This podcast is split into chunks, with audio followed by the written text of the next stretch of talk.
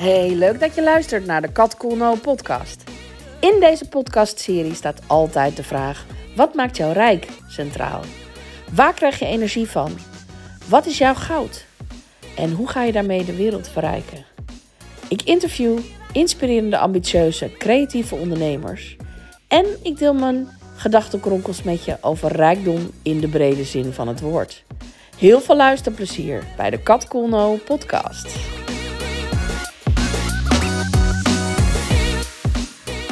Welkom bij een nieuwe aflevering van de Kat Cool No podcast. En vandaag heb ik zo'n toffe gast. Pieter Hensen. Hey Pieter, wat tof dat je er bent. Ja, super fijn om er te mogen zijn en uh, dankjewel voor deze mooie uitnodiging. Ik uh, voel me zeer vereerd om in jouw uh, podcast te mogen zijn. Nou, anders ik wel. Want ik, ik vind jouw podcast dus heel erg leuk. Dus daarom was ik wel zo, oh, durf het niet te vragen. Wij kennen elkaar van, ehm, uit Miami. ja, zeker. van een mastermind met Elke de Boer. En ehm, ja, dat was, dat was gaaf. Ja, dat was heel gaaf, zeg maar. Ik denk er nog uh, regelmatig aan terug. En ook aan, uh, ja, ook aan jouw mooie verhaal toen, zeg maar. En wat er bij jou gebeurde allemaal. Echt, eh, ik heb heel vaak het nummer Bigger op staan van Beyoncé. En dat moet ik dan elke keer, kom ik weer terug bij jou, zeg maar. Dat, life is your birthright, zeg maar. Dat, ja, dat oh, blijft. Serieus? Er zit, altijd, er zit altijd een connectie met jou bij. Wauw. Wauw. Ja. Nou, nou, je raakt me nu al. Wie ben jij eigenlijk en wat, wat, wat, wat houdt jou zo bezig in het leven? Vertel eens. Nou, dat is. Uh, bedankt voor deze mooie vraag. Wie ben je eigenlijk? Dat is al een hele filosofische vraag natuurlijk. maar laat ik maar simpel houden dat, uh, dat ik uh, Pieter Hensen ben. Ik ben 43 jaar. ik ben 17 jaar samen met Annemieke, mijn vrouw. Ik heb ook samen met haar het bedrijf Puurst. En dat hebben we al 12,5 jaar. En wat we daarin doen is dat we eigenlijk bedrijven helpen bij de groei van hun bedrijf. We zijn wel bezig met een beetje een transitie daarin. Dus Annemieke gaat meer zeg maar marketingstrategie doen. Dat deed zij eigenlijk altijd haar achtergrond ook. En veel meer helpen bij het implementeren van de marketingstrategie. Dus je kan het samen met haar gaan doen of ze haar team met haar samen gaat het voor je doen. Zodat je vooral gefocust kan blijven. En ik ben zeg maar in een ontwikkeling waar ik me meer bezig hou met strategie. En ik hou me ook altijd heel graag bezig in die strategie met de toekomst. Dus ik, uh, ik heb tegenwoordig op mijn LinkedIn-profiel staan dat ik trendwatcher, futurist en uh, strateeg ben. Dus dat uh, klinkt allemaal heel erg mooi. Um, wow. Maar ik wil dat trendwatcher, zeg maar, ga ik meer toepassen. Omdat dat ook gewoon iets is wat me al jaren gewoon fascineert. weten waar kom je vandaan, waar ga je naartoe en wat betekent dat dan? En dat is eigenlijk ook wat ik, uh, waar ik de toekomst op in ga zetten om bedrijven en ondernemers te helpen om ja, de toekomst beter te begrijpen, zeg maar, zodat zij ja, hun strategie daarop kunnen aanpassen en niet overvallen worden door ja, alle dingen die, waardoor je overvallen kan worden. En dat je nog steeds van waarde bent zonder dat je ad hoc allerlei op dingen moet gaan reageren. En het toffe is, is dat er gewoon heel veel uh, niet nieuws is onder de zon. Er zijn heel veel cycli, zullen we zeggen, die we kunnen zien. Uh, waardoor je eigenlijk al kan weten hoe de toekomst een beetje eruit gaat zien. Uh, alleen omdat we vaak soms zo gekokerd zijn, zeg maar. en in de waan van de dag leven, vergeten we dat heel vaak. Dus, dus daar, hou ik, ja, daar hou ik me mee bezig. En um, um, ja, met heel veel liefde. Dus ehm, ik zie heel erg uit naar de toekomst. Ja, ja, want jij weet al hoe die gaat. Ja, uiteraard. ik heb hier zo'n hele grote glazen bol. Zo'n soort, zo soort uh, hippe toekomstvoorspeller. Ik moet dus echt denken aan inderdaad van economische situaties die zouden kunnen ontstaan, waardoor je ja, waar je op moet anticiperen. Nou, bijvoorbeeld, uh, nou ja, we hebben natuurlijk net een crisis achter de rug. Er is misschien nu nog steeds een crisis gaande, dan weer op een ander vlak. Maar uh, hoe je daarmee om, omgaat, zodat je dus met je business eigenlijk ja, uh, ja een beetje daarop of, ja. voor, voor kan uh, werken. Ja, klopt inderdaad. Dat is een, een van ja. de dingen, zeg maar. Er zijn gewoon heel veel trends. En mijn idee is ook, ik ga ook een nieuwe podcast ermee starten, zeg maar, om ook de positieve kant. Hè? Want we, we leven nu een beetje in een chaos. En dat is ook heel grappig om uh, te zien dat eigenlijk is dat niet nieuw, zullen we zeggen. Hè? Dus dat gaat al duizenden eeuwen gaat dat door. Dus je ziet zeg maar de chaos. We zijn eigenlijk met transitie zeg maar, naar een nieuwe renaissance gegaan, zoals dat zo mooi mm -hmm. heet. Uh, we moeten ook anders, maar dat geeft altijd uh, uh, chaos. Hè? Want we, ja, we komen ergens vandaan, we zijn verwend, zullen we zeggen. En nu in één keer alles wordt duurder, oorlog, masculiniteit, noem maar op, energie, moeilijk. Maar het toffe is dat de toekomst eigenlijk heel erg mooi is hierin. Alleen we moeten hier even doorheen. Dus de komende verwachting is dus dat we tot 2030 en ietsjes later nog een beetje in deze shit zitten. En dat we daarna nou ja, zeg maar door het geboortekanaal van de nieuwe, van de nieuwe realiteit heen gaan. Maar tof is, is dus dat je dus kan zien dat, dat het dus niet nieuw is. Dus je kan letterlijk zien van, hey, op het moment zeg maar dat inflatie toeneemt, crisissen zijn waar veel geld in de economie wordt gepompt, zie je ook in één keer dat populisme op gaat komen. Hè, dat is de jaren dertig precies zo'nzelfde verhaal. Je kunt er bijna één op één eroverheen plakken. weet je, dus je, je ziet allemaal trends zeg maar, die gaande zijn. Het is soms alleen een beetje lastig te voorspellen van, is dat dan over een maand of is dat over drie jaar? Alleen je kan wel eigenlijk de golfbeweging kan je wel zien. En als je dat eigenlijk al kan zien, ja, dan kan je eigenlijk ook in je bedrijf uh, gewoon daar uh, op anticiperen. Dan kun je daar gewoon uh, je voordeel mee doen. En heel veel van je collega's doen dat niet. want die zijn gewoon in die waan van de dag aan het doen. Dus ik, ik zeg eigenlijk ook altijd als ondernemer vind ik eigenlijk ook dat je eigenlijk een soort trendwatcher of een ja, soort, soort, soort ja, trendwatcher moet zijn. Of in ieder geval één of twee keer per jaar daar even mee bezig moet zijn. En uh, ja, het is super interessant. Maar er zijn ook gewoon heel veel mooie ontwikkelingen gewoon gaande. Ook op het gebied van duurzaamheid, uh, innovatie. Dus er is ook heel veel hoop. Alleen omdat we vaak alleen maar de ellende op het nieuws zien, zien we zeg maar die andere kant niet. En ik wil heel graag ook juist die hoop ja. uh, naar de mensen brengen om te laten zien van ja, het is maar vanuit welk perspectief je het bekijkt. Hè? Is het zo ja. zwart-wit als dat het is? Tuurlijk, de oorlog in Oekraïne is heel duidelijk. Alleen er gebeurt ook daar, zelfs daar gebeuren ook nog steeds hele mooie dingen die bepaalde innovatie met zich meebrengen, waar we gewoon eh, ja, een hele mooie toekomst mee kunnen gaan bouwen. En dat, ja, dus, dus mijn idee is eigenlijk om meer dit negativisme zeg maar, wat om te buigen naar positivisme en uh, op die manier ook mensen vertrouwen te geven in die toekomst. Hè? We zitten nu mm. heel erg in een era van angst.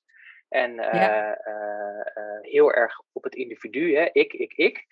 Ehm, maar de kunst is eigenlijk om te zien zeg maar, dat we allemaal verbonden zijn. En dat, dat juist zeg maar, die positieve kracht en die innovatie ja, eigenlijk heel erg mooi is. En dat dat eigenlijk al eeuwig zo in golfbewegingen gaat. Dus dat we eigenlijk nergens. Er is letterlijk, zeggen we niks nieuws onder de zon, maar dat is ook letterlijk zo. Dus dat, alleen ja. de uitingen zijn natuurlijk anders en de vormen zijn anders. Maar ja, super interessant zoals je merkt.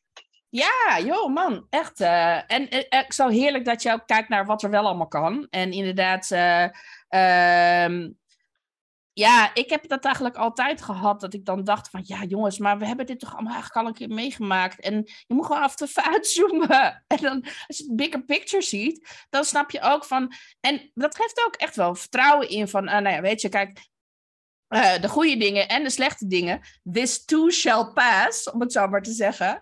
Uh, weet je, het, het komt wel goed ergens. En lekker als je een beetje mee kan veren met wat er ja. is. En dat je een beetje snapt van, hé, hey, hoe, hoe werkt dit? En dat je natuurlijk inderdaad, uh, nou ja, weet je, in sommige, je kan zeggen voorbereid of, of zo flexibel kan zijn uh, of denk in mogelijkheden in plaats van in onmogelijkheden. Een stuk van ondernemers, die kunnen dat best op zich. Maar ja, als het echt zo recht voor je neus staat en je wordt erdoor overvallen, nou ga dan maar eens even aan een minuut schakelen als je nou ja, best wel veel verantwoordelijkheid hebt en enorm veel personeel en dat soort dingen. Dus, uh, dus uh, maar ja, de kleine ondernemer net zo goed. Want die moeten dan ook, ja, dat is, dat is echt wel, ja, nou, we hebben het wel gemerkt natuurlijk dat het voor veel mensen, nou, toch niet zo makkelijk is om eventjes een beetje mee te veren. Hoe Zeker. graag je dat soms ook wil. Ja, ja, kijk, en ja. dat is natuurlijk, hè, dus als je over veerkracht hebt, zeg maar, van, hè, ben je dus in staat om je bounce rate, zeg maar, elke keer ja. uh, kleiner te maken en mee te kunnen bewegen. En het, het, dus zo mee te bewegen dat het nog steeds, dat jij het naar je hand kan zetten, zeg maar, of kan bijsturen. Hè, dus heb je het over maakbaarheid of stuurbaarheid. Hè? Dat is ook een interessante, ja. van is de wereld maakbaar of stuurbaar? Um, ja maar ik denk dat het, en het leuke is, zeg maar, dat, dat het niet alleen geldt voor grote, want je kan natuurlijk denken, ja, maar dit gaat voor de Shells en de, en de ABN AMRO's en dat soort dingen, hè, de grote corporates. Maar toffe is juist, zeg maar, dat de meeste innovatiekracht zit juist bij de uh, MKB en met name bij de K van MKB. Uh, dus, dus het tof is dat juist ook voor jou als kleine ondernemer, ZP'er of klein MKB, dat het een hele interessante is om te zien. En dat je daardoor, oh, kijk, want je bent veel flexibeler dan al die grote reuzen, zeg maar. Ja. Die moeten daar helemaal moeilijke ja. processen en cultuur en structuur en moeilijk en wet en regelgeving. Jij kan veel makkelijker laveren, ja. zeg maar. Uh, dus de kunst is dan als jij je, uh, ja, je, je, je veerkracht uh, daarin traint. Want ik denk dat dat een spier is. Althans, dat heb ik in ieder geval gemerkt zelf in de afgelopen jaren, ook in mijn eigen ondernemerschap. Is dat je dus heel mooi dat kan doen. En als je dan ook nog zeg maar, inzichten hebt in de positieve kant, zeg maar, ondanks dat de hele wereld zegt het is heel negatief en zwart, ja, dan kun je dus echt letterlijk uh, laveren zeg maar, door die shit heen. Uh, en uiteindelijk nog steeds er goed uitkomen zonder dat je te veel door de grote klappen geraakt wordt. Kijk, dat, dat je geraakt wordt, dat, dat, dat kan niet anders, want ja. zit in een systeem zeg maar, met elkaar. Maar het mooie is wel is dat jij dus wel in die stuurbaarheid heel veel kan doen. En uh, ja, dat gun ik heel veel ondernemers, omdat die gewoon heel veel ook hele, ja, echt, hè, dit gaat over goud, hè, het goud vinden. Heel veel mm -hmm. ondernemers hebben ook echt goud te brengen. Alleen laten ze zich vaak ook weer afleiden door de waan van de dag en die negatieve shit, zullen we maar zeggen. Waardoor ze soms ook gewoon uh, ja, in de verkeerde energie zitten, denk ik. Uh, uh, en ja, ik hoop dat ik ze daarmee de andere kant op kan laten bewegen. Nou, ik heb er alle vertrouwen in, Pieter. Thanks. Heerlijk. Nou, nou ja, dat is, ik denk dat dat wel jouw rijkdom en jouw kracht is. absoluut.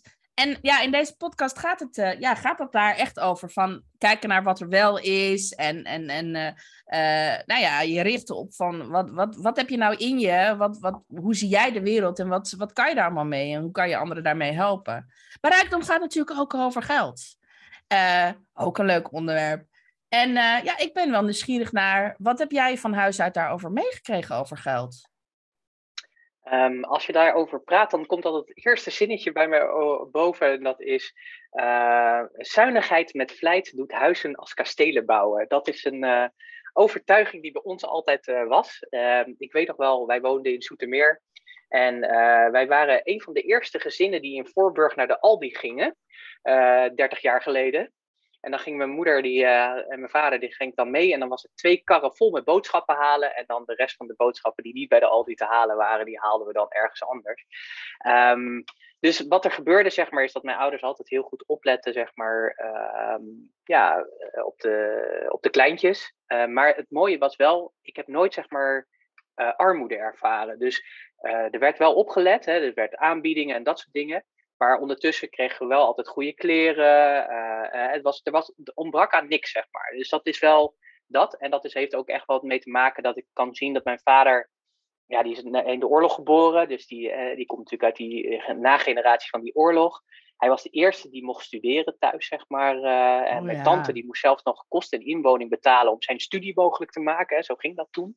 Ja, dus hij had ja. heel erg gezien, zeg maar, hoe zijn ouders uh, struggelde. En hij had echt zoiets, ik ga zorgen dat mijn gezin nooit hoeft te struggelen. Dat heeft natuurlijk ook een andere kant natuurlijk, is dat, dat hij natuurlijk ook ja, veel weg was en aan het werk was om het voor ons goed te hebben, materieel en financieel. En dat mm-hmm. betekent natuurlijk wel eens dat in de emotionele kant, zeg maar, daar wel eens wat ontbrak. Maar financieel gezien, zeg maar, was het eigenlijk, uh, ja, heb ik nooit um, iets ontbroken uh, schoenen moesten altijd goed zijn, maar dan wel vaak weer in de uitverkoop, weet je. Zo, uh, zo ging het dan. Ja, ja, ja. Dus, uh, oh, ja. Dus ja dat, goed, dat, is het. ja.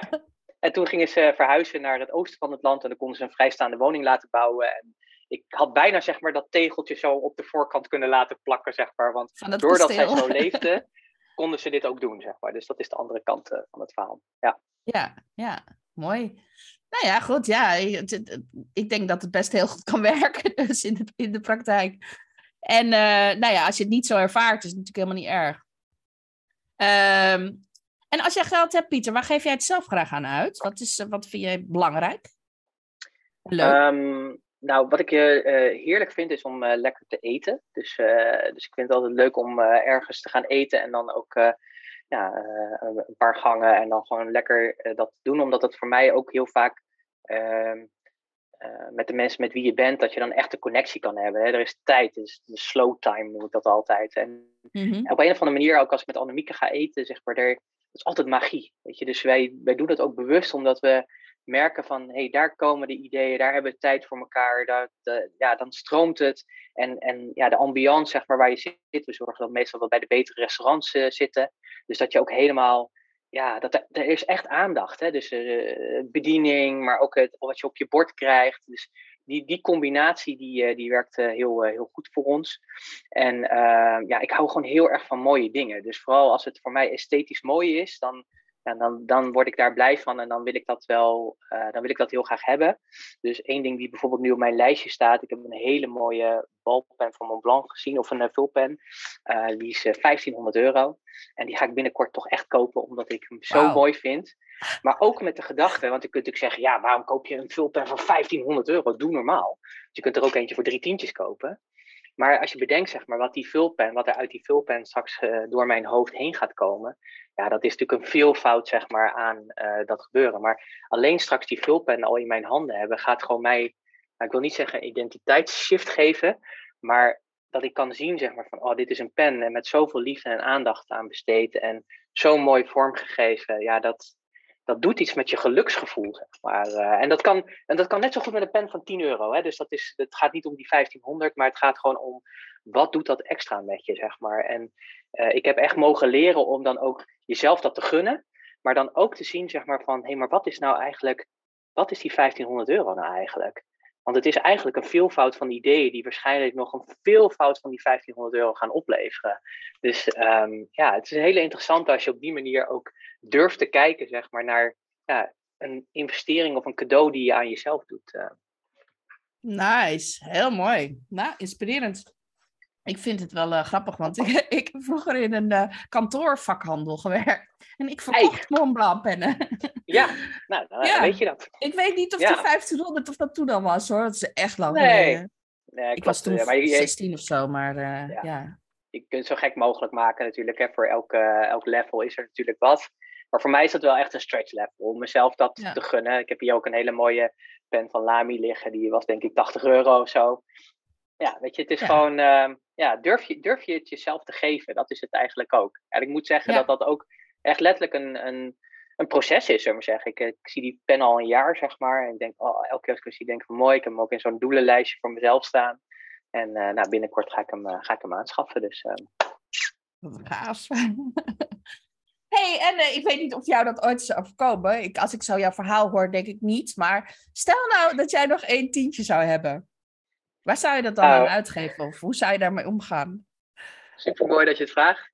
Um, ik heb uh, inderdaad ben in de gelukkige positie geweest dat ik nooit uh, in die situatie ben geweest. Maar ik moet wel zeggen dat ik in 2015 hebben we in onze business echt wel een heel slecht jaar gehad. Dat we echt, echt in september dachten van ik weet niet of ik in november nog de hypotheek kan betalen. Zo was het wel. Dus die, mm -hmm. de, de, stress rondom geld, zeg maar, en het tekort daarin, uh, die kennen we. Die kennen we heel goed. En dan zijn we natuurlijk ook allebei nog uh, levenspartners. We zijn getrouwd, dus uh, ja. 24-7, dus de business. Dus dat was een hele moeilijke periode, ook omdat je, ja, je gaat, als het in de business niet goed loopt, of als je zorg hebt over geld, wat echt wel een van de grootste stressfactoren, denk ik, is voor een mens, dan heeft dat meteen effect op de business. Ik merkte ook, weet je als de klanten aan tafel zaten, potentiële klanten, ja, jij was alleen maar bezig om gewoon hun geld te krijgen, om te kunnen overleven ja, dat voelt, voelt die andere kant natuurlijk. Want die voelt natuurlijk dat er niet 100% uh, aandacht is voor waar het echt over gaat. En, um, uh, en het doet iets met je relatie, zeg maar. die stond echt onder spanning. Ik weet ook nog wel dat we echt een keer een weekend hadden dat tegen Annemieke zei van... joh, ga jij maar naar je ouders. Want ik, ik kan gewoon nu even... Ik, ik weet het ook even niet. En ik ben toen... een vriend van mij die belde, die had via via gehoord dat het zo ging. En we zijn even gaan wandelen. En ja, dat heeft gewoon perspectief veranderd, zullen we zeggen. En uh, toen konden we ook weer loslaten en nou, ja, toen ging het ook weer stromen. Dus ik snap wel zeg maar echt wat het betekent. Ik heb gelukkig nooit mijn huis hoeven te kopen. Uh, het is wel spannend geweest. Je hebt natuurlijk altijd wel je ups en downs. Uh, begin dit jaar was het er gewoon door allerlei familieomstandigheden, was de focus van de business af. Ja, dan loopt het wel door, maar niet zoals je gewend bent, zeg maar. Dus uh, tot nu toe is 2022, uh, uh, het begint nu weer op te starten, maar het begin, de eerste half jaar, was echt het slechtste half jaar ooit, zeg maar. Het, en ja, ik, ik heb nog steeds een boterham gegeten, ik heb nog steeds vakantie geweest, snap je? Dus, nog steeds tientjes, dat is het. genoeg. Nog steeds zes tientjes. Maar als je me zou vragen, wat zou ik met dat ene tientje doen? Dan denk ik dat ik iets zou kopen en dat weer zou gaan verkopen, zodat dat tientje 20 euro gaat worden. En daaruit dan weer iets kopen, zeg maar, voor 15 euro, 5 euro voor jezelf. En dan zo. En op die manier zou ik me er denk ik weer uitredden. Uh, dus dat is denk ik wel het mooie van het ondernemerschap en de skills die ik inmiddels geleerd heb. Dat ik dus ook daarin, dus ook in die periode van, uh, van financiële zorg, dus dat ik echt nog heel anders in mijn leven. Uh, maar dat ik ook heb geleerd heb van ja, weet je, als ik gewoon kijk naar gewoon, ik ben nu 43, naar de afgelopen 43 jaar. Tuurlijk, ieder mensenleven kent zijn ups en downs. Maar er is altijd gezorgd, op wat voor manier ook. Ik heb me eigenlijk nooit echt zorgen hoeven maken. En ja, dat is wel echt een wijsheid, zeg maar, die niet altijd makkelijk is. Mm-hmm. Uh, maar hoe meer je dat kan, ja, dat in je DNA terecht kan komen. En ik, wil, hè, ik sta soms ook wel eens onder spanning, omdat ook mijn oude Pieter af en toe wel eens naar boven komt, mijn oude ego. Maar het is een hele geruststellende gedachte dat ik eigenlijk me daar niet zorgen om te moeten maken, omdat ik in ieder geval de skills heb en altijd de mogelijkheid heb om van dat tientje 20 euro te maken of uh, nog meer. En dat geeft rust. Ja. ja, dat snap ik. Dat is, dat is dat je geld kan maken, dat je het niet hoeft te verdienen. Ja. Dat vind ik dus altijd dus wel een mooie. Ja. ja, precies. Weet je, en dat vind ik ook wel echt het interessante van. Je ziet nu steeds wel, nu ook, hè, we zitten nu in een spannende tijd natuurlijk, inflatie hoog, energiekosten en dat soort dingen. Dus heel veel mensen gaan bezuinigen. En dat is natuurlijk goed. Het is altijd goed om op te letten van, hey, maak ik onnodige kosten? Maar het is veel interessanter natuurlijk om te kijken van, hoe kan ik meer, hoe kan ik meer creëren eigenlijk? Hè? En we zijn natuurlijk als mens gewoon, hebben enorm creatiekracht. Dus ik vind het altijd zo fascinerend dat mensen dan uh, juist in die andere kant gaan zitten. Terwijl denk ik, de hè, dus het is goed om dat te doen, niet onverstandig, maar de, ja, eigenlijk zou 90% van die energie niet daarop moeten zitten, maar juist op de focus van het meer creëren. Of in ieder geval voor jezelf, zeg maar, in die creatiekracht gaan zitten. En we kunnen ja met onze talenten en vandaag de dag kunnen we gewoon, ja, kun je altijd wat doen. Je kunt altijd wat doen. Ja, ja, ja. Oeh, ik geloof het ook zo erg. En ik denk ook echt, ja, weet je, dat zou echt. Weet je, als je dat vertrouwen maar zou. Ja, soms heb je gewoon bewijs nodig dat het zo is. Hè? Als, je dan een keer, als het je dan gelukt is om geld te maken, zullen we maar zeggen. En je merkt van, hé, hey, dat, dat, oh, dat is Ja, het kan eigenlijk wel, want ik heb eigenlijk wel iets wat iemand anders zou willen hebben. En dan zo verder en zo verder. Dan geeft dat natuurlijk best wel vertrouwen. Hè? En dan, nou ja, uiteindelijk. Uh, nou ja, dan zie je ook wel uitwegen. Dus dat is wel super, super nice natuurlijk. hey, en uh, als je een tientje op straat zou vinden, een cadeau tientje. Ja. Ga je dan ook meer van maken of wat doe je dan? Ja, dat, dat, zal een beetje afhangen, zeg maar. Maar ik zou hem in ieder geval oppakken, altijd. Ik zou ook niet kijken van wie is de rechtmatige eigenaar, want uh, dat ben ik. Want anders dan vind ik hem niet. Uh, hè, dus en, uh, en ook dankbaar zijn, zeg maar. Want dat is ook heel interessant, zeg maar. Ik heb dat ook uh, geleerd, zeg maar, in mijn ontwikkeling. Veel persoonlijke ontwikkeling gedaan. Maar dankbaar zijn, zeg maar, voor wat je krijgt. En als je daar eens alert op bent, zeg maar, hoeveel je krijgt, is echt bizar, zeg maar. Dat, en het is, het is gewoon fascinerend om dat te zien. Dus zo'n tientje. Ik heb letterlijk een keer in het bos, liep ik daar zo. En toen lag daar gewoon letterlijk zo'n tientje. Dus dat is een heel sprekend voorbeeld voor mij. Nou, dat vind ik gewoon echt dankjewel. Weet je, dan ben ik daar echt super dankbaar voor. Want ja, dat is er. Maar het kan soms ook in kleine dingen zitten. Als ehm, eh, dat je ergens afrekent en dat je ontdekt dat er bijvoorbeeld een fles water niet is afgerekend. Bijvoorbeeld, uh, ja, dankjewel, zeg maar. Dat is je ook gegeven. Of dat iemand tegen je zegt van, hé, hey, zullen, we, zullen we ergens gaan lunchen? En dat die dan zegt, ja, ik betaal wel. Weet je, dat en als je dat dus gewoon bij zou houden in een, uh, elke dag is zou bijhouden en ook de waarde die dat vertegenwoordigt, dan is het fascinerend om te zien wat er aan seculaire uh, of secundaire stroom aan, uh, aan, ja, aan energie, zeg maar, in waarde, zeg maar, ook loopt. Dus dat is heel boeiend, is dat. Wauw, nee, het is wel grappig, want ik heb dat toevallig vorige week inderdaad, had ik daar ook een, een nou ja, weet je, ik, ik had daar een brainwave over of iets. En toen dacht ik ook bij mezelf van, ja, weet je, het is natuurlijk best wel gek dat we. Uh, um, ja, dat, dat ontvangen zo'n ding is voor heel veel. Vooral voor vrouwen. Vrouwen vinden het echt lastig om hm. dingen te ontvangen.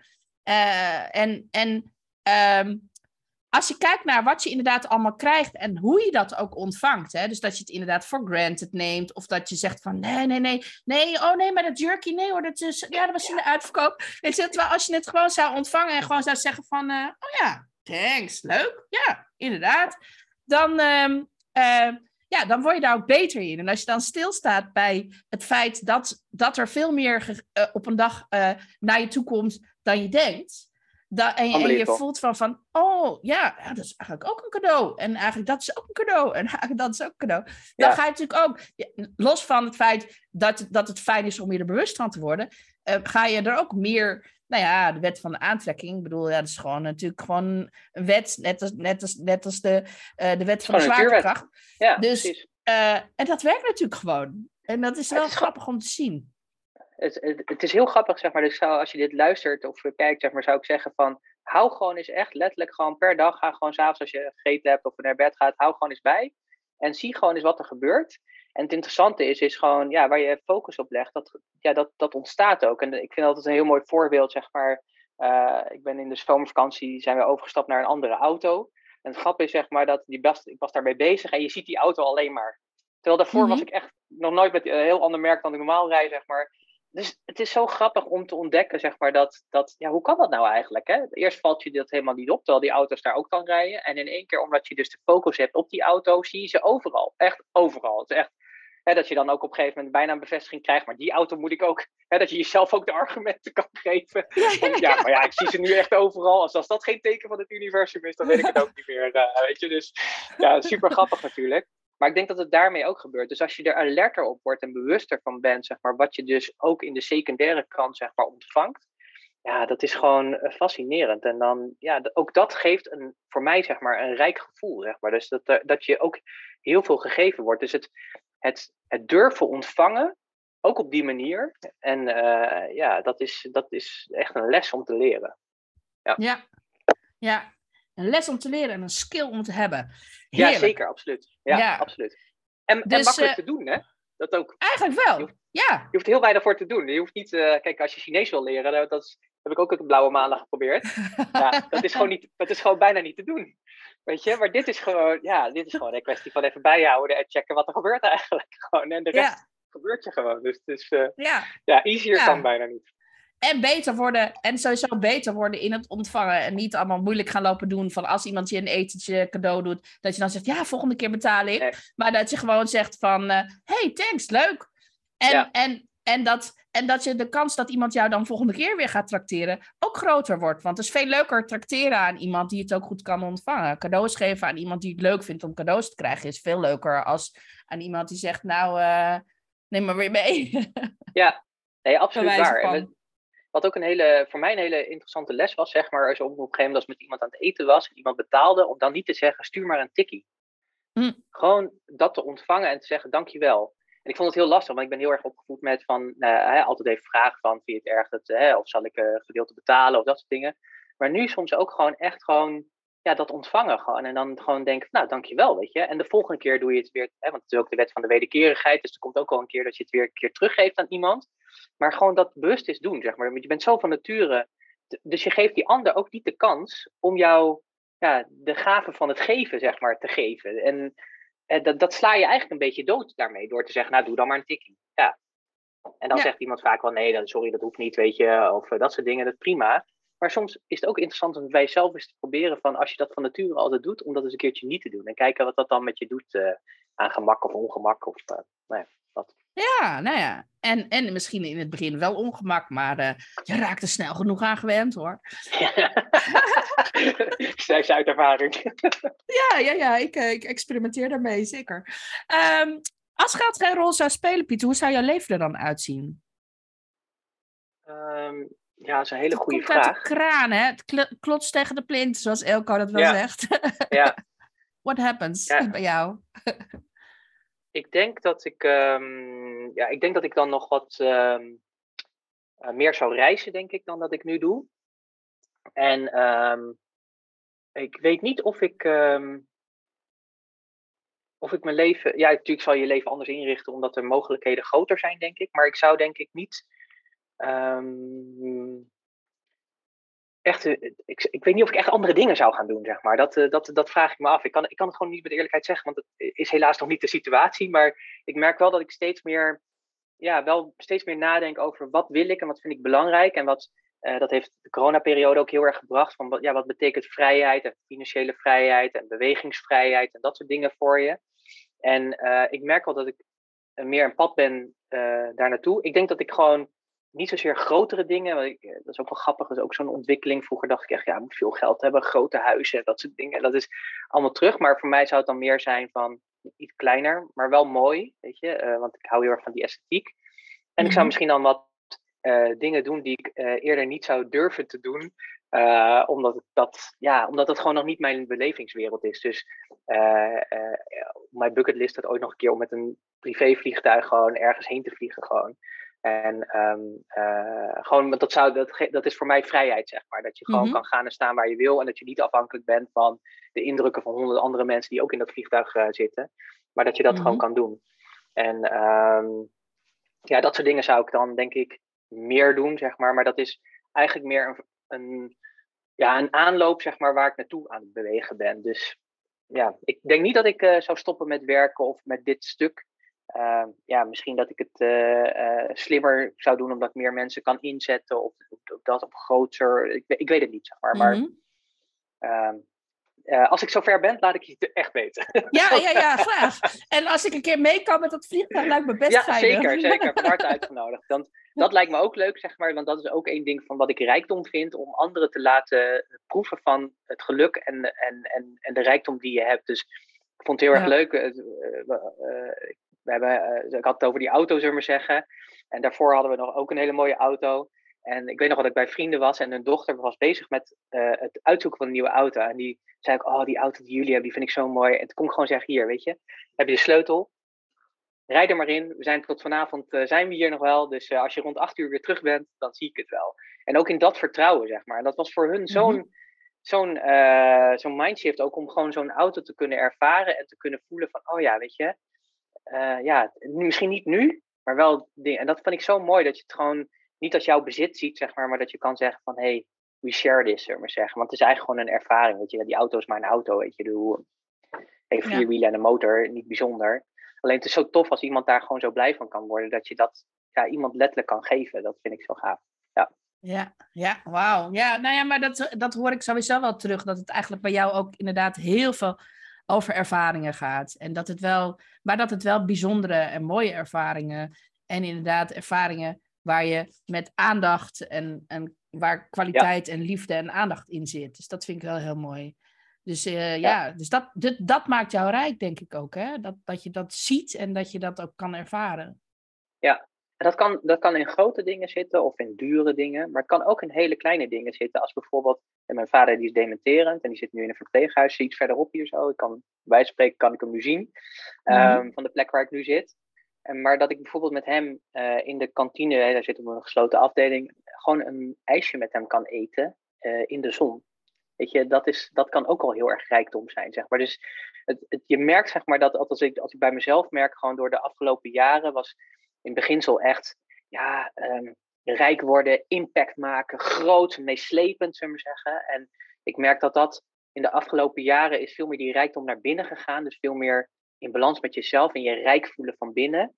En Mhm. dus je rijk voelen ook met dit soort momenten. Weet je, het is natuurlijk Ja. heel heftig als je je vader ziet aftakelen, zullen we maar zeggen. Ja, joh. Maar dat je dan in het moment met hem een ijsje kan eten. En dat dat een manier is om de relatie te delen. In plaats van wat je normaal fysiek zou doen of woordelijk of op wat voor manier dan ook.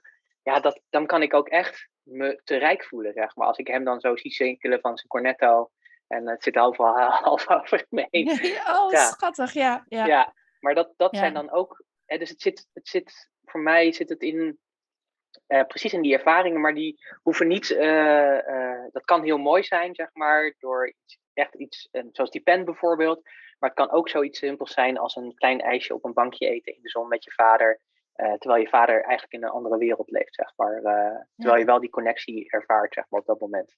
Dus Ja. ja, dat is het. Ja, en, en dat ook ervaren. Want dat je dus inderdaad ook dan op zo'n moment er bewust van bent van... wauw, ik ben nu in een ijsje aan het eten met mijn vader. Wat bijzonder is dit. Dat is Ja. natuurlijk ook... eh, ja, dat is ook wel echt... ja, dat is ook, dat is ook rijkdom inderdaad. Dat je het ziet. En sommige mensen stappen er makkelijk overheen. Ja. Maar het is, zo, het is ook natuurlijk zo belangrijk... omdat, je, omdat het zo moeilijk is om connectie te krijgen. Eh, Klopt, Dat inderdaad. als je het dan voelt, dat het dan... Ja, Ja, en, en ik merk ook gewoon eh, dat ik steeds minder goed kan, zeg maar, tegen geen, geen echt contact, zeg maar, met mensen. Dus Hm. de, de, de koetjes- en kalfjesgesprekken, dat, ja, ik, ik trek dat gewoon niet meer. Omdat het, ik vind dat zo zonde, zeg maar, van ja, waar het wezenlijk om gaat, weet je. Dus dan merk ik ook van, eh, eh, ook zoals met mijn vader bijvoorbeeld, ik heb gewoon echt mogen leren om veel meer in het nu te zijn. Als ik bij hem ben, zeg maar, en ik ben niet bij hem op dat moment aanwezig, omdat ik in mijn hoofd nog met mijn werk bezig ben, of bij dit interview, of noem maar wat, dan zie ik meteen de spiegel, zeg maar, van hem terug. Want hij wordt onrustig, weet je. Dus het is gewoon Mhm. zo grappig om, om, om eh, te ontdekken, zeg maar, dat zelfs je vader in zo'n situatie nog steeds een mentor voor je kan zijn, ja, in, in, in het leren in het nu zijn, zeg maar. En ja. ja, dat is gewoon wat ik steeds meer ook eh, leer. Dus ik eh, ben natuurlijk veel bezig met de toekomst en het verleden. Maar ja, het draait eigenlijk alleen om ja, wat we nu aan doen. Hè, dit is onze realiteit op dit moment. En uh, hele ja. waardevolle trouwens. Maar um, ja. Ja, die connectie, dat, het, het, echt elkaar zien, horen en, en van hart tot hart, zeg maar. Van, uh, ja. ik heb ook altijd als mensen, het is heel makkelijk om te zeggen van, hé, hey, hoe is het? En dan zeg je goed. En dan is mijn vervolgvraag ook altijd, wat maakt het goed? Want dat zet de vraag aan naar, ja, niet het, het, het, het, de dooddoener, zeg maar, ja, het gaat goed. Maar echt, ik wil, ik wil weten waarom het bij jou goed gaat, zeg maar. Wat maakt het, zeg maar, dat, dat, dat het voor jou nu uh, goed gaat? En het leuke is, is dat mensen dan ook zeggen, oh ja, ja, mooie vraag eigenlijk, weet je. Dus mensen worden ook even, we moeten, met, uh, ik denk, zeg maar, dus ik zeg vaak moeten, het is niet moeten, maar ik denk dat het goed is dat we met elkaar wat meer die verstilling ingaan in de wereld waar gewoon heel veel snel is en vluchtig. Dat er veel meer, nou, die slow content, slow gesprekken, gewoon ademhalen, weet je, met elkaar een tijd nemen. En um, ja, ik probeer dat ook gewoon letterlijk door.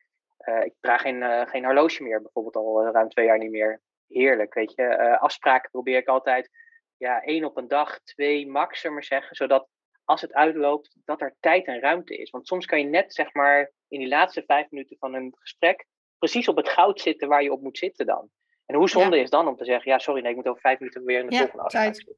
Ja. ja dat is echt uh, killing, vind ik dat. Dus ja. ja.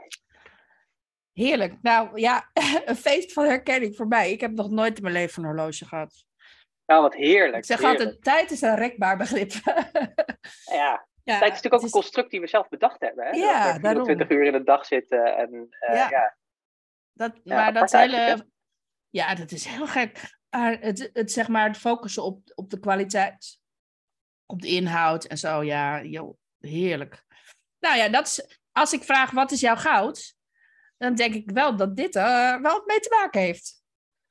Ja, zeker. Ja, dat, ja, ja, um, uh, dat inderdaad. En ik, ja, ik, ik, ik, weet niet, ik vind het altijd gewoon heel mooi, zeg maar. Ik, uh, een van mijn kwaliteiten zit er gewoon in dat ik gewoon vaak het goud ook bij die ander zie, zeg maar. Hè? Dus de, Mhm. de, de, de grotere versie van de persoon of het idee.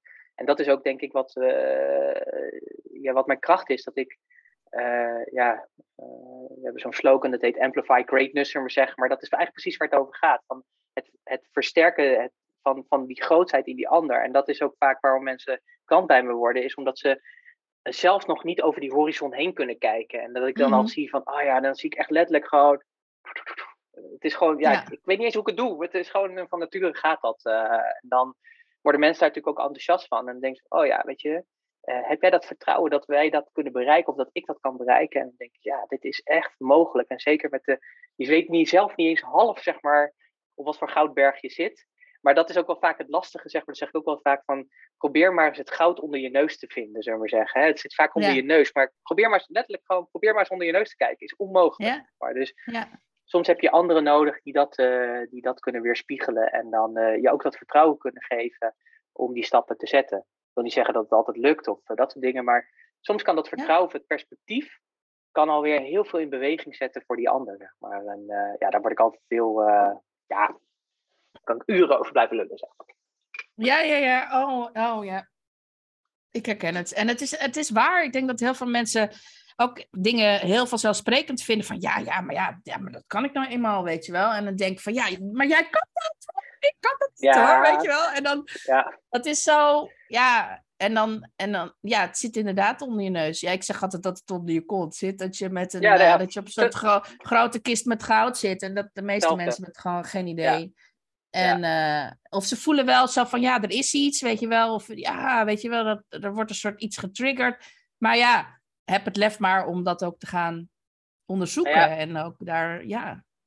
En je ook comfortabel ermee te zijn. Want heel veel mensen Mm. die zeggen ook, ja, maar weet je, wie gaat me hiervoor betalen? Dit is zo simpel, maar dat is juist Ja. het goud, zeg maar. Want dat is niet zo simpel. Want als het allemaal zo simpel was, dan deed die ander dat zelf ook allemaal wel. Weet je, daarom heb je jou ook natuurlijk nodig. En uh, ja, dat professioneel opscheppen, dat mogen we wel meer doen. Letterlijk gewoon vertellen van, ja, maar hier ben ik gewoon goed in. Ja. Uh, ik heb dat ook moeten leren, maar op een gegeven moment ontdekte ik wel van, ja, maar dit zijn echt mijn kwaliteiten. Weet je. Hier ben ik gewoon, ik weet ook niet hoe ik het doe soms, maar dit is echt waar ik echt gewoon heel erg goed in ben. En door dat ook steeds meer gewoon te benoemen, in het begin is dat een beetje ongemakkelijk natuurlijk, uh, maar op een gegeven moment, ja, dan, dan uh, wordt het ook zo eigen dat je kan zeggen, ja, maar dit is gewoon, weet je, hiervoor moet je gewoon echt bij mij zijn. En het fijne daarvan is, als je dat weet, weet je ook voor al die dingen zeg maar, waar je niet de mensen bij moet gaan helpen. Want dat kunnen anderen juist weer veel beter doen. Dus het maakt het ook veel uh, makkelijker. Ja. Ja, voor jezelf ehm, veel helderder in keuzes maken, inderdaad. Ja, zeker, ja, zeker, zeker. zeker. Ja. absoluut. Ja. Ja. ja, dat weet jij natuurlijk niet anders als goudzoeker natuurlijk. Dus, uh... Ja, nou ja, ik heb dat ook. En ik, ik weet ook niet hoe, hoe, hoe het kan. Maar ik zie het ook. Ik zie gewoon van, oh, maar ja, maar, maar, maar dat is het, weet je wel. En dan denk van, ja, ja. En ik eerst was ik er verbaasd over dat mensen het zelf niet zagen. Maar toen kwam ik erachter dat ik mijn eigen goud ook niet zag. Toen dacht ik, oh ja, oké, nou ja, dat is blijkbaar normaal.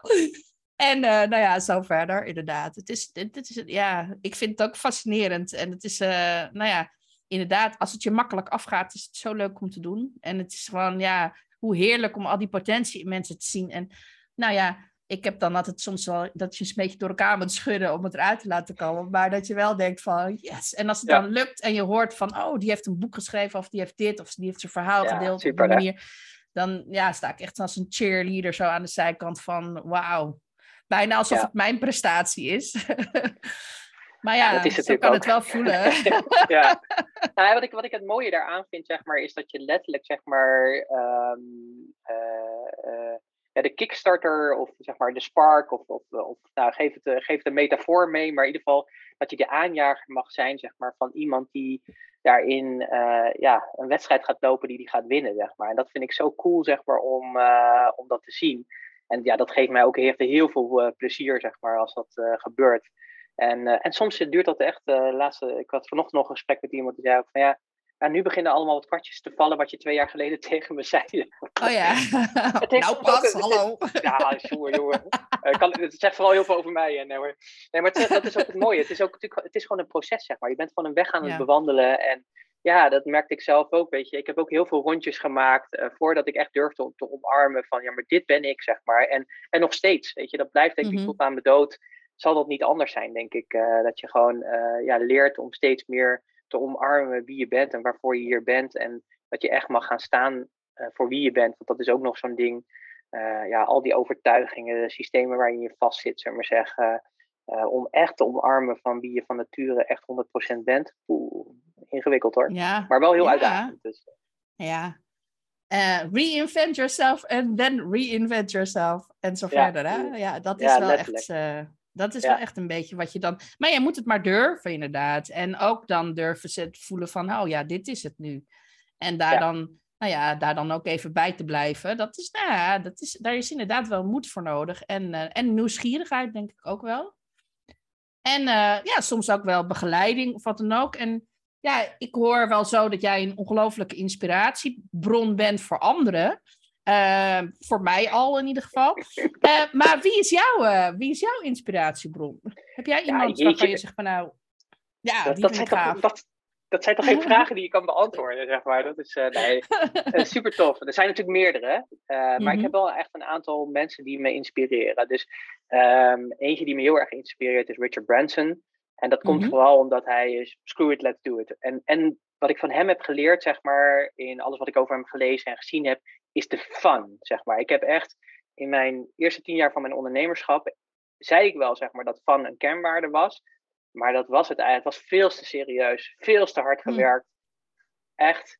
Maar de lol, zeg maar, erin om jezelf kunnen lachen. En ja, hij, hij heeft dat natuurlijk helemaal omarmd, zeg maar zeggen, door ja, dat zo eigen te maken dat uh, hij daarmee natuurlijk enorme brands heeft kunnen groeien en enorm veel miljarden aan marketing heeft bespaard, omdat hij dan zelf in een trouwjurk ergens ging staan of wat dan ook, zullen we zeggen. Oh, serieus? Oh, okay. Ja, echt super gaaf. Echt, uh, hij, bij alles wat er geopend wordt, is er iets van uniek, zullen we zeggen, wat hij doet.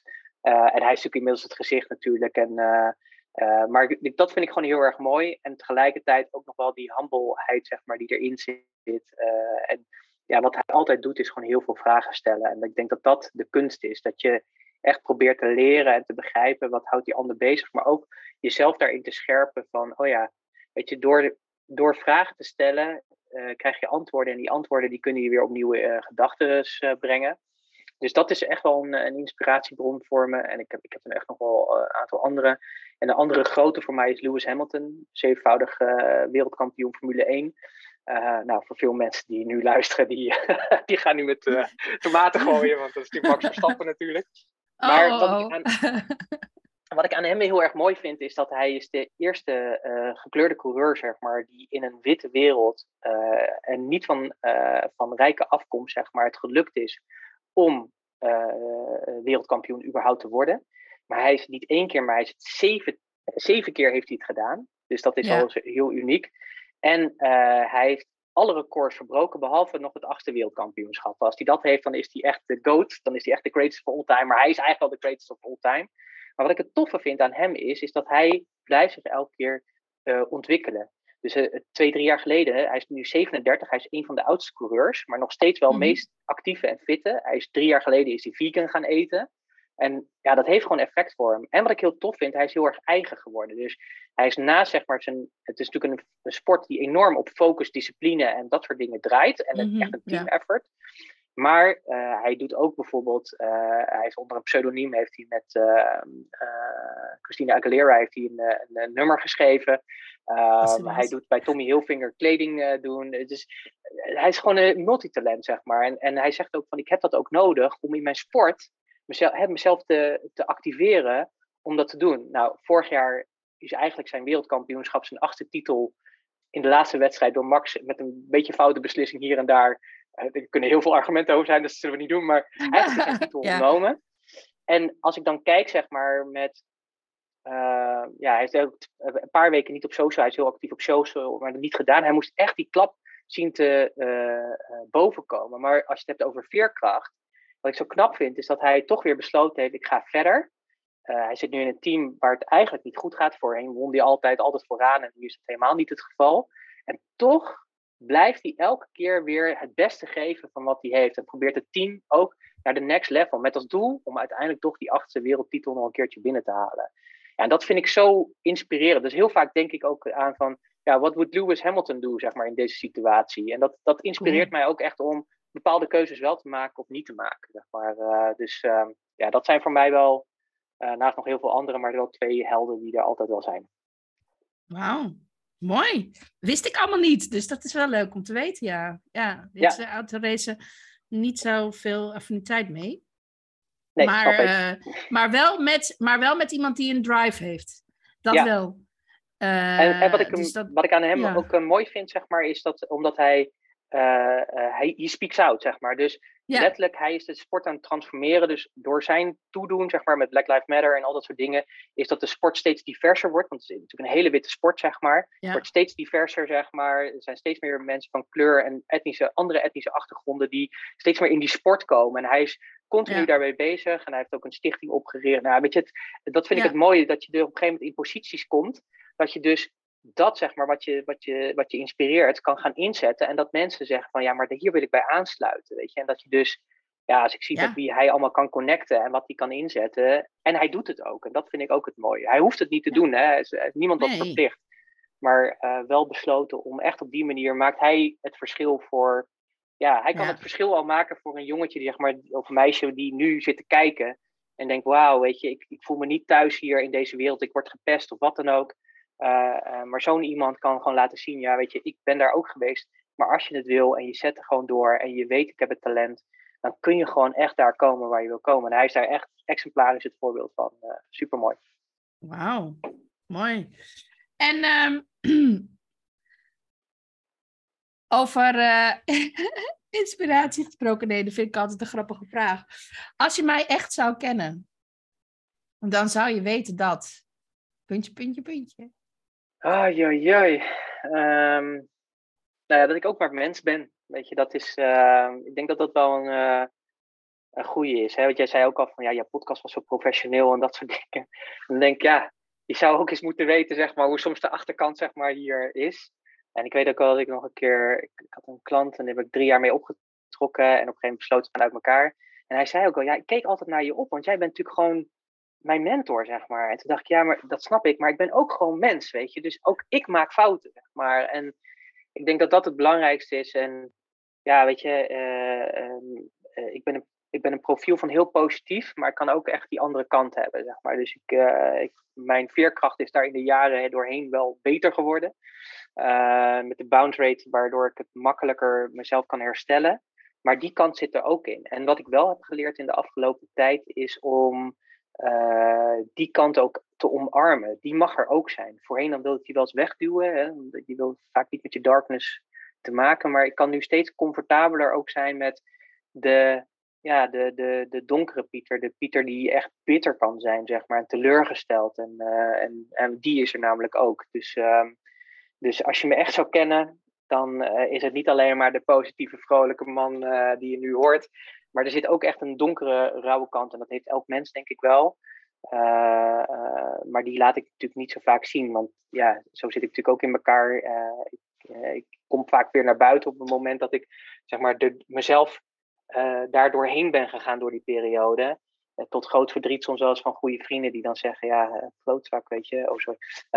ik ben een gast, ik had, je graag, ja. ik had je graag willen helpen, maar waarom mag ik er niet voor je zijn? En dat heb ik echt moeten leren, om dan ja. ook mijn omgeving mee te nemen in, ja, weet je, ik zit er gewoon weer in. Het is gewoon even shit, weet je. Dit voel ik gewoon. En ik weet gewoon niet hoe ik eruit kom. En ja, vaak hoeft het ook niet. Soms is het ook alleen maar comfortabel zijn met dat stuk.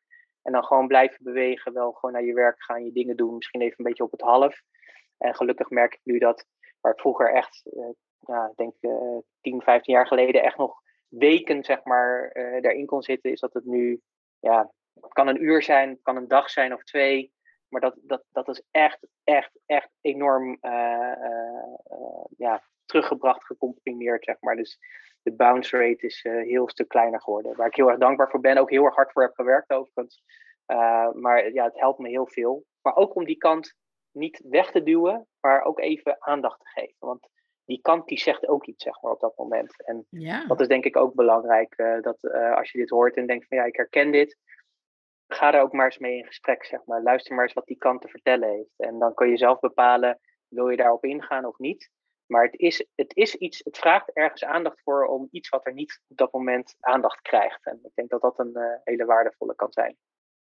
Dat is 100% waar. Ik, ik, ik had, las ooit ergens een mooie zin: There's beauty in the struggle. En uh, dat is echt een soort van, uh, ook dat gevoel een beetje van dat je dus inderdaad niet altijd maar die pijn probeert te vermijden, maar dat je ook kan zijn met de pijn. Ja, ik, doe, ik doe regelmatig een, uh, een ijsbad uh, Wim Hof training. zondag weer. Lekker ja, man. Ja, ga je zondag? Oh. Ja, nou ja, maar dat is ook, weet je wel, dan, dan oefen je in zijn met de pijn. En uh, ja, ja, het, is, het gaat nooit echt comfortabel. Ik moet zeggen, ik ben er vrij goed in inmiddels, maar um, het gaat nooit echt wennen. Maar je gaat er wel beter mee kunnen zijn en je gaat veel sneller de antwoorden vinden uh, uh, die nodig zijn. Als je durft. Ja. Als je inderdaad ja, voelt van ik heb een donkere periode. Maar ja, je moet ook wel, zeg maar, als je donkere periodes hebt, uh, wat natuurlijk supermenselijk is, moet je ook een soort van ehm, ja, vertrouwen krijgen dat het weer overgaat. En daarvoor, ja. als je dan een keer ervaren hebt van oké, okay, ja, het, oh, het lijkt wel of het steeds korter duurt, dan kan je ook elke keer als je er weer tegenaan komt, dan kan je merken van oh, maar ja, ik weet wel dat het wel weer goed komt. Ja, ja kijk, het komt natuurlijk altijd goed, zullen we maar zeggen. Je kunt natuurlijk heel veel dingen trainen. En, en eh, jij had voor mij een soort happy list, of wat, wat stelde je net, ja, zeg maar, dat je ja. een soort lijst hebt van die, die moet ik eigenlijk dan doen, hè. Ja. Um, uh, dus uh, waardoor je, je, kan, je, je kan echt zeg maar, jezelf letterlijk zeg maar, uh, anders programmeren om hier sneller doorheen te komen. Alleen wat ja. ik ook heb geleerd, zeg maar, is dat dat is wel het risico van de. Ik heb heel veel in die persoonlijke ontwikkeling gedaan en die wereld is heerlijk om in te zitten, want je groeit en het is een soort cocon, maar het is ook een vloek tegelijkertijd. Want wat ze natuurlijk heel erg leren is dat de wereld maakbaar is. En wat ik heb geleerd, zeg maar, de afgelopen tijd is dat de wereld uh, niet altijd maakbaar is, maar vaak stuurbaarder is. Zeg maar. En dat betekent dus dat je ook hebt geleerd om wel comfortabel te worden met ook die donkere kant en ook dat te luisteren. En terwijl ik dat natuurlijk niet wil, zeg maar, want dat zijn natuurlijk altijd de dingen, de pijn van het verleden of wat het ook is, maar zeggen, wat dan boven water komt.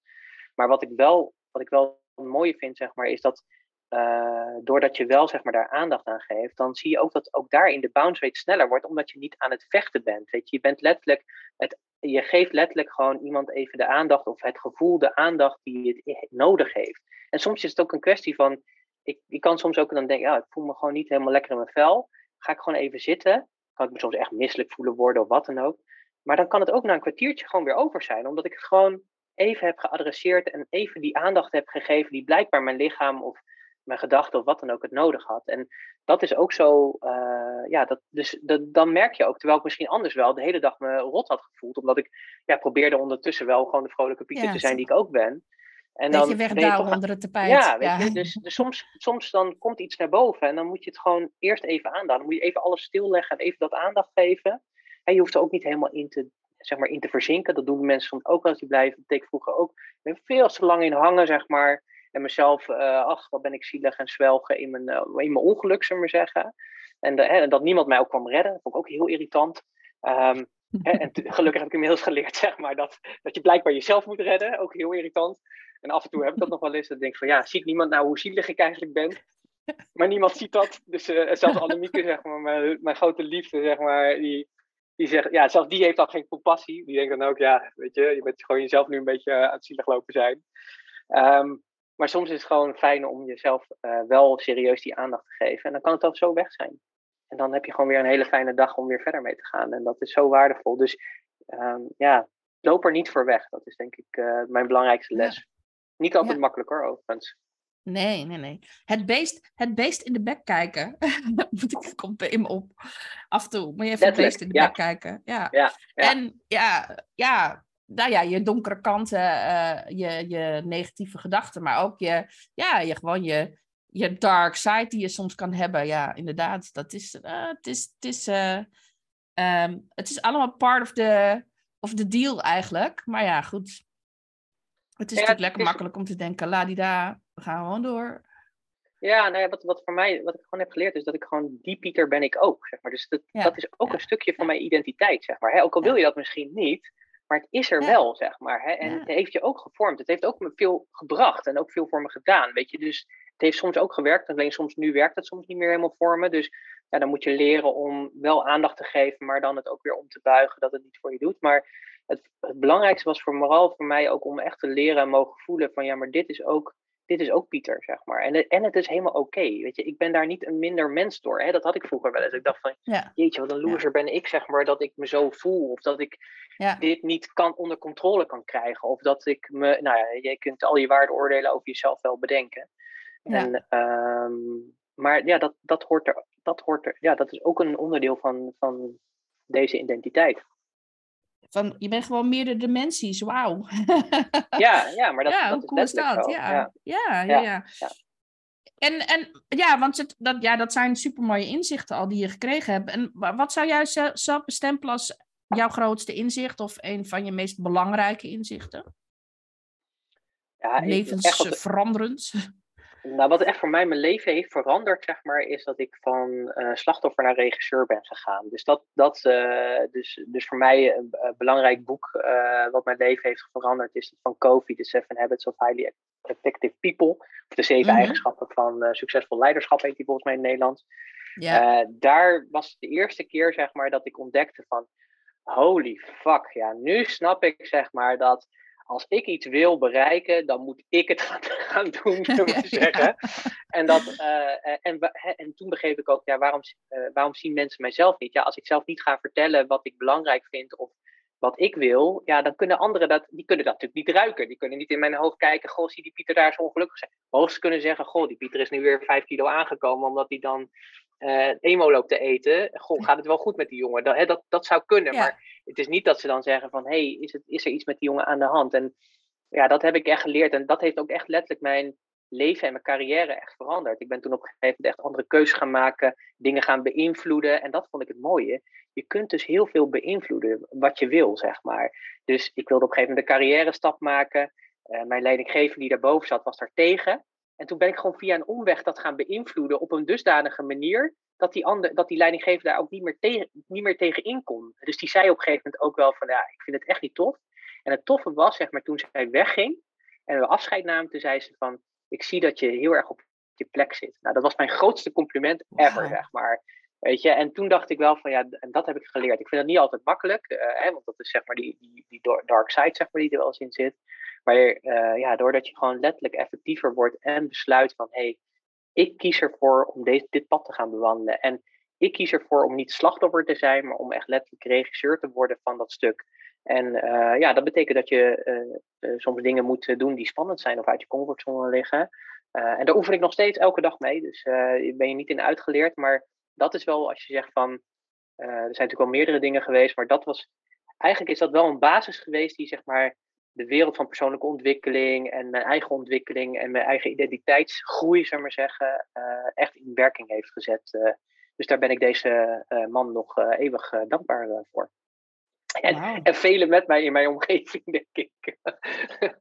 Ja, ja, want het heeft natuurlijk ook een ripple effectje. Dus dat is ook wel. Mm, zeker, maar is dat, is dat dan ook je favoriete boek? Of heb jij nog een, een extra, extra favoriet? Of kan je die kiezen? Kan ook, hè? Ik, vind dat zo lastig, zeg maar. Het heeft bij mij soms ook met periodes te maken, zeg maar. Van, mhm. Dus um, uh, voor mij zitten nu veel meer de boeken, zitten veel meer eigenlijk op de energetica, zeg maar. Dus uh, hoe het universum werkt en dat soort dingen. Dus je hebt natuurlijk The Secret. Ik heb net een boek gelezen, dat heet It's Not Your Money. Ook heel interessant, gaat over het, ja, dat het, het die titel die is natuurlijk al heel inspirerend. Mm. maar ja, gaat natuurlijk ook heel erg over de energetica, zeg maar, die erin zit. Hè, waar we het net over hadden. Van, ja, weet je, eigenlijk is het geld is niet van jou, zullen we zeggen. Hè? Je bent gewoon letterlijk een doorgeefluik. Het is gewoon energie, zeg maar. Letterlijk geld zien we bijna al niet meer. Hè? Ik bedoel, het is allemaal digitaal. Dus als je dat bedenkt, zullen we zeggen, dan uh, ja, vind ik dat ook super interessant. Dat, je dus, ja, dat het dus niet van jou is. Dus ja, waarom zou je er dan aan vast blijven zitten? Of waarom zou je er dan zo krampachtig mee omgaan? En uh, ja, dat zijn voor mij dan van die dingen die, ja, die, daar word ik dan even een beetje eh, van, en dan gaan mijn, mijn, mijn, mijn fundament een beetje los, los zitten, zeg maar. Die rammelen dan een beetje zo. Maar vervolgens worden ze wel weer wat strakker gedraaid, zeg maar. Omdat het, dat ik dus merk van, ja, maar uh, het zit daar dus niet in. Het zit veel meer in de overgave en durf vertrouwen dat het gewoon goed is en komt. En dat je dus vooral, zeg maar, je pad moet gaan lopen en moet voelen ben ik met de goede dingen bezig? Dus als je ook merkt van, hey, ik doe een stap of iets voelt niet goed voor je, dan heeft dat een reden. Heel vaak is dat je intuïtie natuurlijk, uh, je onderbuikgevoel, of geeft een naam, of het stemmetje in je hoofd, die zegt van, hey, ik moet dit eigenlijk niet doen. Uh, ja, de kunst is om daar, dat voor mij is dat zeg maar de kunst om daar steeds meer beter naar te leren luisteren. De ruis, zeg maar, die er ook is, om die wat meer te kunnen scheiden. En die uh, enorme, uh, dat enorme kompas, die dat kompas of dat gevoel, om dat steeds meer te laten spreken. En uh, ja, op momenten dat ik dat daarin train en beter in word, zie ik ook zeg maar, dat er ja, dingen op mijn pad komen of dingen gebeuren. Of in mijn omgeving, bij familieleden, vrienden, zeg maar, gaat het ook stromen. Dus het is heel interessant, zeg maar, om te ontdekken van wat je eigen aandeel kan zijn in, in, letterlijk in je eigen leven, maar ook in het leven van anderen door op een andere manier naar dingen te durven kijken. Ja, mooi. En ja, dus ja, maar wat heb jij, van, want het is een stemmetje in jou dat jij weet van nou het is goed, van hoe weet jij dan dat het goed is? Wat, is, krijg je een, wat voor signaal is dat? Ja, bij mij is het eigenlijk altijd een gevoel, zeg maar. Dus ik, ik kan nooit uh, zeggen van het is een stem. Hè. Sommige mensen hebben een stem of andere dingen. Maar heel vaak is het, ik weet nog wel dat wij waren in Miami natuurlijk. En daar was Minke ook bij. Uh, die, uh, doet een leergang, of die geeft een leergang wijsheid en impact, filosofische leergang. En dat wij op straat met elkaar liepen te praten en dat, dat zij daar wat over vertelde. En dat, dat uit het niets zei ik, ja, dat wil ik ook. Oh. uit het niets, gewoon echt gewoon helemaal uit het niets. Gewoon. Er was geen reden toe om dat te zeggen, maar dat klopt, want ergens was al een diep verlangen van mij van hey, dit is een wereld die ik nog niet ken, de wereld van de filosofie. En ik zou me heel graag daarin willen verdiepen, zeg maar. Want ik denk dat juist door betere vragen te stellen, meer uh, ja, daarover na te denken, je dus meer impact kan hebben.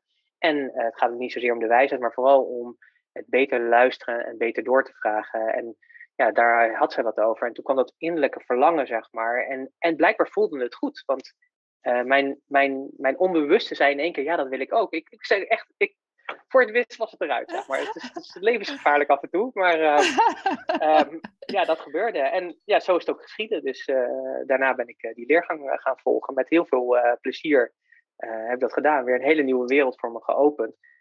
Die ik vandaag de dag ook natuurlijk integreren in mijn leven en weer door kan geven aan anderen. Dus dat is, dus het is ook niet, it's not my money, maar het is ook niet mijn opleiding of mijn het is niet van mij, maar het is om weer door te geven aan anderen. En net zoals jij dingen aan mij doorgeeft en anderen weer aan anderen. Weet je, zo, uh, zo, ja, zo helpen we elkaar verder, zeg maar.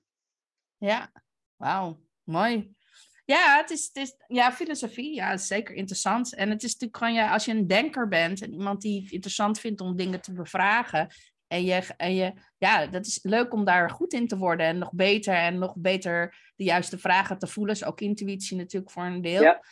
En dan zo, ja, weet je, op die manier en dan aan te voelen van, hé, hey, dat is ook grappig dat je dan dus ook altijd the right people op het, op het juiste moment Ja. ontmoet of zo. Dat is ook zo grappig hoe dat Ja, het gaat. is heel, heel, heel bijzonder, Ja. zeg maar. Dus als je dit, zeg maar, die, die, eh, die TED-talk, of eh, ja, wat is het? Zoals TED-talk, of in ieder geval die talk van eh, Steve Jobs met Connecting the Dots, hè. Dus als je Mhm. terugkijkt van hoe gaan dingen, ja, het is gewoon heel bijzonder, weet je. Ik heb ooit besloten om die eerste Miami Mastermind te gaan doen en zo ben ik in allerlei dingen en toen ben ik jou tegengekomen.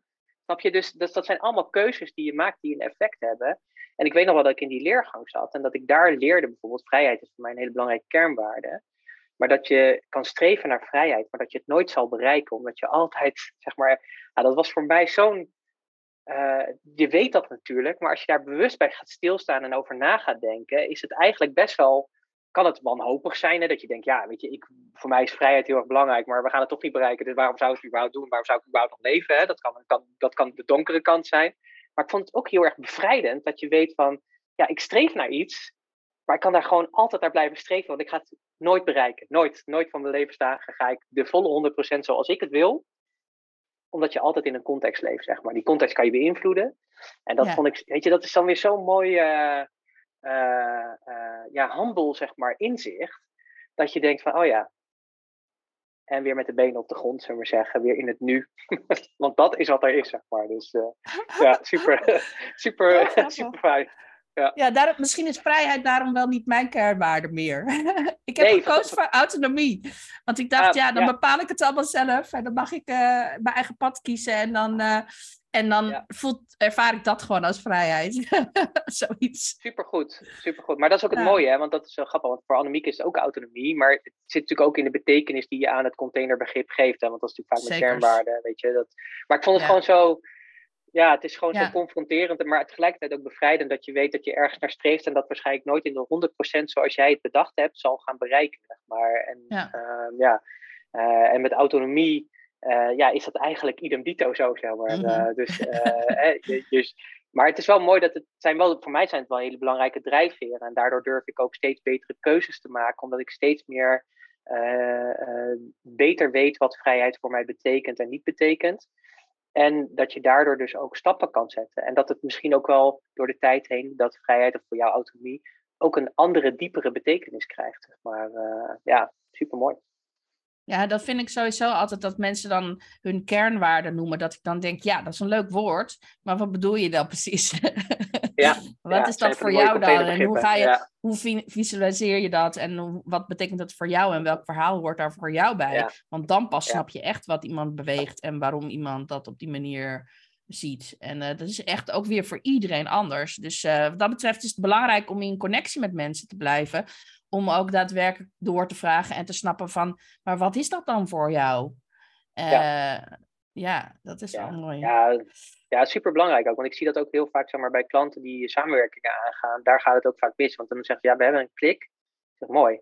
Maar nu gaan we het op waardeniveau hebben. Dus, hè, dus, dus ga eerst maar eens uitzoeken van wat zijn jouw waarden, zeg maar. En wat zijn de betekenis van die waarden. En wat betekent dat voor die ander. Want kijk, we kunnen allebei de waarde vrijheid hebben. Maar de beleving zeg maar, van die vrijheid of de Mhm. invulling daarvan kan een totaal verschillende zijn. Waardoor die samenwerking eigenlijk gedoemd is om te mislukken. En dan kan het gevoel nog steeds goed zijn. Uh, maar als het op waardeniveau zeg maar niet matcht, ja, dan, dan, en daardoor gaan denk ik ook heel veel samenwerkingen gewoon uh, uh, niet goed, is omdat daar vaak overheen wordt gestapt, zeg maar. En het is zo belangrijk om echt, echt, echt te doorleven en te begrijpen van als ik het heb over uh, vrijheid of groei of verantwoordelijkheid nemen, dat zijn mijn kernwaarden, om echt daar betekenis aan te geven en elke keer te bepalen van oké, wat is het voor mij? Klopt het nog steeds? En leef ik dan ook, zeg maar, naar die kernwaarden toe? Ja, ja prachtig. Ook verantwoordelijkheid, ja, dat is ook een van mij. um, we hebben het al veel over veerkracht gehad, dus ik hoef jou niet meer te vragen wat dat is. Uh, we hebben het over bounce gehad en over terug, ja, eigenlijk toch terugveren hè, naar, naar uh, um, elke keer weer een stukje makkelijker terugveren. Ja. Ehm, en en ik, ik ben nog even nieuwsgierig naar, ook voor de, voor de, voor de luisteraars, ehm, jouw inspiratie. Nou, je hebt al een aantal uh, mooie boektitels genoemd, maar wat lees, luister en kijk jij op dit moment? Uh, supermooi. Ja, heel veel dingen. Dus dat is mooi, want zo zit ik ook in elkaar. ik, dat, hè, dat is ook echt mijn profiel. Zes boeken tegelijk. zes boeken tegelijk, inderdaad. Dus ik kan je even vertellen, uh, en uh, voor mij komen de show notes bij, dus ik zal het je ook nog even doorgeven. Maar ik heb uh, Audible, dus dat is een, een boekenluister-app mm. van Amazon. dus ik luister heel veel boeken. ik heb net zeg maar het boek dan uitgeleverd, geluisterd over It's Not Your Money en ben nu begonnen in het boek. En dat gaat over, ik moet het er even bijpakken. Um, en dan ga ik je het echt vertellen. Um, uh, be your future self now. Dus dat gaat over de persoon die je bent. Dus eigenlijk je alter ego. Of nou geeft een naam. Het is ook weer een hele interessante. Ik ben nog een keer de vier uurige werkweek eh, van Tim Ferriss aan het lezen. Voor Our Workweek. Ook heel inspirerend over hoe je dingen aan het doen bent. Um, maar ik ben ook uh, bijvoorbeeld uh, Mythos aan het leven dus, uh, van Stephen Fry. Dat gaat meer over de zagen en de epossen, zeg maar, uit de Griekse mythologie en filosofie. Um, weet je, dus je merkt al, het gaat alle, alle kanten op. Um, ja, het is ook een beetje van, van ja, wat komt op mijn pad of wat houdt me bezig. ik, heb, ik kijk ook veel naar masterclass, zeg maar. Dat de masterclass.com is eigenlijk een soort Netflix, maar dan weer anders. Dus daar kun je gewoon, ja, de grote der aarde, zeg maar, onder andere, zeg maar, Lewis Hamilton, maar ook Richard Branson, maar nog vele andere hele interessante oh, wow. mensen. Kun je gewoon masterclass van volgen. Die, kun je gewoon, die gaan dus iets vertellen over een craft of waar ze mee bezig zijn. Ja, zo waardevol, zeg maar. Kijk, die mensen, die, die heb ik gewoon nu gewoon letterlijk. Ja, dat is natuurlijk het mooie met podcasten, alles van deze tijd al die grote der aarde, dat zijn allemaal mijn mentoren. Want ik heb ze letterlijk in mijn broekzak zitten, omdat ik gewoon een podcast kan luisteren uh, van Oprah Winfrey of noem maar op. Maar ook, uh, ook van uh, ja, gewoon de mensen in je buurt, zullen maar zeggen. Kan ook heel inspirerend zijn. Ik heb een klant, Pieter, jongens 21. En die is gewoon een enorm bedrijf aan het opbouwen met, met plastic matten en wegenzout en weet ik veel wat allemaal. En als ik zie hoe hij beweegt, weet je, dan, dan, dan, ja, dan zie ik de jonge Pieter, zeg maar. Hij heet ook Pieter, dus dat is ook grappig. Ja. Zie ik de jonge versie van mezelf. Alleen hij doet het, weet je. En hij maakt het gewoon waar. En zijn ongeduld. En uh, ja, nu ook uh, is hij bij gemeentes, haalt hij opdrachten binnen. En dan denk ik, wauw, weet je, wat inspirerend dat zo'n gast, zeg maar, zo jong al zo in het leven kan staan. En zo, uh, ja, gewoon als, als een volwassene, zeg maar, gewoon zijn business runt. Uh, ja, dan, dan, word ik echt super blij van uh, om dat soort mensen in mijn omgeving te hebben. Dus um, ja, het kan op, weet je, inspiratie kan op zoveel verschillende manieren zijn vorm krijgen. Dus wat ik ook vaak doe, is om echt letterlijk, en daarom is Masterclass ook zo'n mooi voorbeeld ervan, is om gewoon documentaires te kijken van onderwerpen die je eigenlijk niet zo interesseren. Dat is ook heel inspirerend. Om, omdat je daar juist dan dingen leert die juist zo verrassend zijn, zeg maar. Uh, we hebben allemaal natuurlijk onze neigingen, onze voorkeuren. Maar om gewoon bijvoorbeeld eens een keertje iets te kijken over een biofarm bijvoorbeeld. Gewoon, ja, een hele mooie documentaire op Netflix daarover.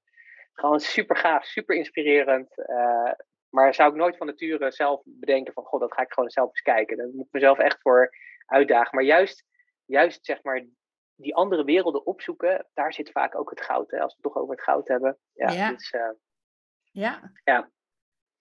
Ja, dus uh, ja, podcast ook, ja, podcast van Giel. Nou, hou maar op, weet je. Het, er is eigenlijk, ja. eigenlijk heb ik te weinig tijd. Dat is soms mijn... Uh, ja, mijn... ja, ja, ik zei we moeten nog een uh, deel 2, deel 3 ja, ja, maken.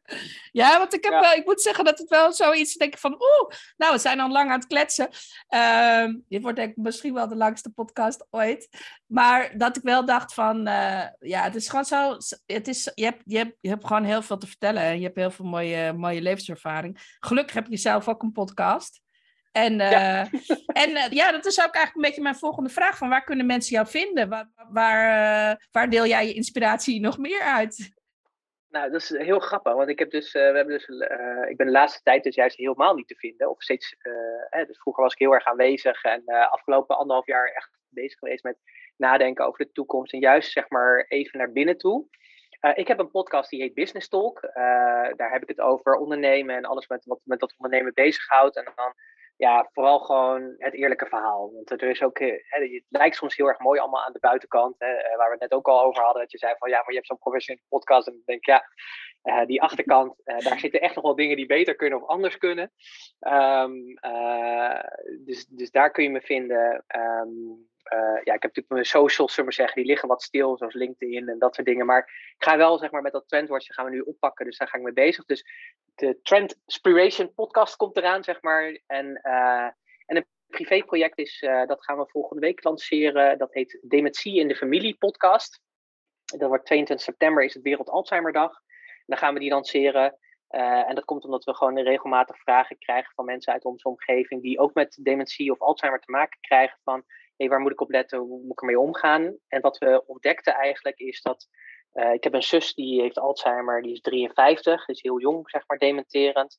Uh, woont in een verpleeghuis. Ik heb mijn vader, die is 79, zit ook in een verpleeghuis, die heeft een vorm van dementie.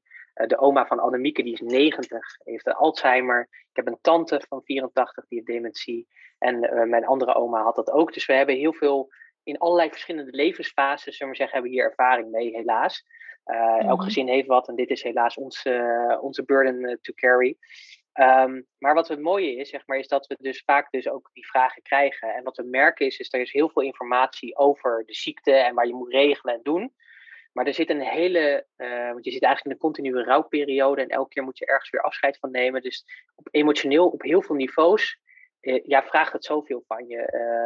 Uh, dat, is, dat, dat kan je bijna niet uitleggen als je er niet mee te maken hebt. Hè, dus het is vaak natuurlijk zo, als je natuurlijk niet de ervaring hebt, dan weet je soms niet hoe het is. Dus wat wij willen doen in die podcast is echt voor het familielid wat om die dementerende staat, om daar nou ja, te vertellen waar wij tegenaan lopen, wat onze tips en tricks zijn, zullen we zeggen, met echt als doel om die, ja, die omstander, zeg maar, om die dementerende gewoon te verlichten. En uh, ja, gewoon op die manier te helpen. En ja, dat is echt een passieproject, zeg maar, wat de afgelopen tijd is ontstaan. En ook zoiets, zeg maar, dat je dan kan zeggen van de shit die wij in onze familie meemaken hiermee, letterlijk nog steeds vandaag de mm -hmm. dag, dat gaan we omzetten naar positieve energie. Want we gaan hier anderen ook heel erg mee helpen die ja, helaas uh, door zo'nzelfde situatie heen gaat. En zeker als je weet dat één op de drie gezinnen uh, te maken krijgt met dementie in zijn familie, ja, dan is bijna iedereen zeg maar, in, in Nederland of in de wereld die, uh, of ja, die hiermee te maken krijgt, helaas. Het is een hele pijnlijke ziekte, zeg maar. Uh, dus we willen vooral ook zeg maar, die, die menselijke kant, de mens, zeg maar, degene die ernaast staat, het directe familielid. Uh, in die podcast willen we die, ja, daar gaan we het over hebben. En ja, een steun voor zijn, maar ook inzicht te geven.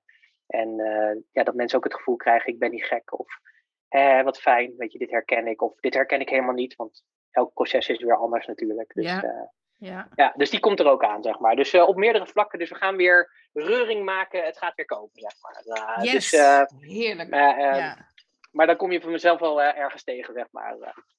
Nou, we, we, zetten natuurlijk al deze informatie ook in de show notes. En super mooi dat je dat project ook uh, gaat starten. Dus de 22e online. Um, ja, fantastisch, Pieter. Ik, uh, ik denk dat ze in de show notes kunnen ze alles terugvinden. Dus gaan ze je zeker opzoeken. En uh, ja, um, dank je wel voor dit mooie gesprek en voor jouw ja, mooie antwoorden. Ja, super. Ja, dankjewel voor de uitnodiging. En dat je me het platform geeft om, om, ja, om, om dat te kunnen delen. Dus dat super, dankjewel. En uh, ja, voor mensen die, uh, die het waardevol vinden of over door willen praten of wat dan ook, ja, zoek me gewoon op. Ik ben relatief makkelijk te bereiken, zeg maar. Dus via LinkedIn of wat dan ook, zeg maar. Er staat vast wel ergens een e-mailadres of een telefoonnummer. Voel je vrij, zeg maar, om dat te doen. altijd leuk om dat hart tot hart gesprekken aan te gaan. Super, Pieter. Dankjewel.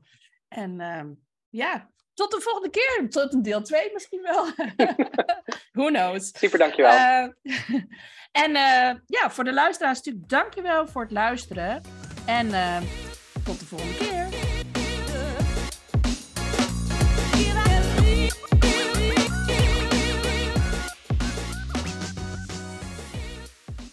Dankjewel voor het luisteren naar deze podcast. Mocht je willen connecten of meer informatie willen hebben, dan kan je me vinden op LinkedIn en op Instagram, katkolno, ten T aan het eind. Tot de volgende keer. Ciao.